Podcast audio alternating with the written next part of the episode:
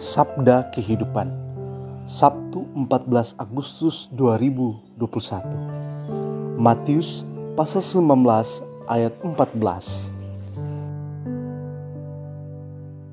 Tetapi Yesus berkata, biarkanlah anak-anak itu, janganlah menghalang-halangi mereka datang kepadaku, sebab orang-orang yang seperti itulah yang empunya kerajaan sorga.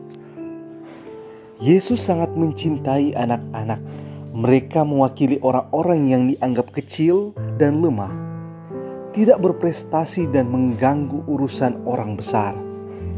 Padahal dari merekalah terpancar tanda-tanda iman yang diperlukan manusia untuk mengagumi keagungan dan kasih Allah. Anak kecil sepenuhnya berserah pada papa mamanya percaya sepenuhnya pada kasih sayang orang tua. Sukacita dan kegembiraannya begitu spontan dan tanpa prasangka. Kita selalu tersentuh melihat kemurnian dan kepolosan seorang anak. Rasa kagum dan heran seorang anak kecil sungguh diperlukan untuk kita mengagumi karya Allah yang heran dan menakjubkan.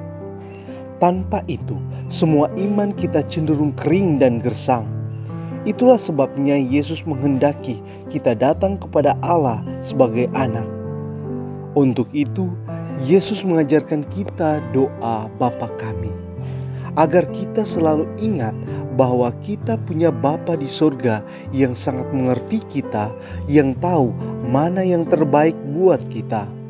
Allah ingin sukacita seorang anak kecil ada pada kita saat berada di pangkuan Bapa. Tangannya yang kuat menjadi andalan kita. Tak perlu merasa kuat dan hebat hingga tak perlu bersandar pada Allah. Mari tetap menjadi anak Allah dan sama seperti Yesus, perlakukanlah semua anak kita sebagaimana Yesus mencintai mereka. Selamat berakhir pekan bersama keluarga tercinta. Tuhan memberkati. Pastor Revitanot PR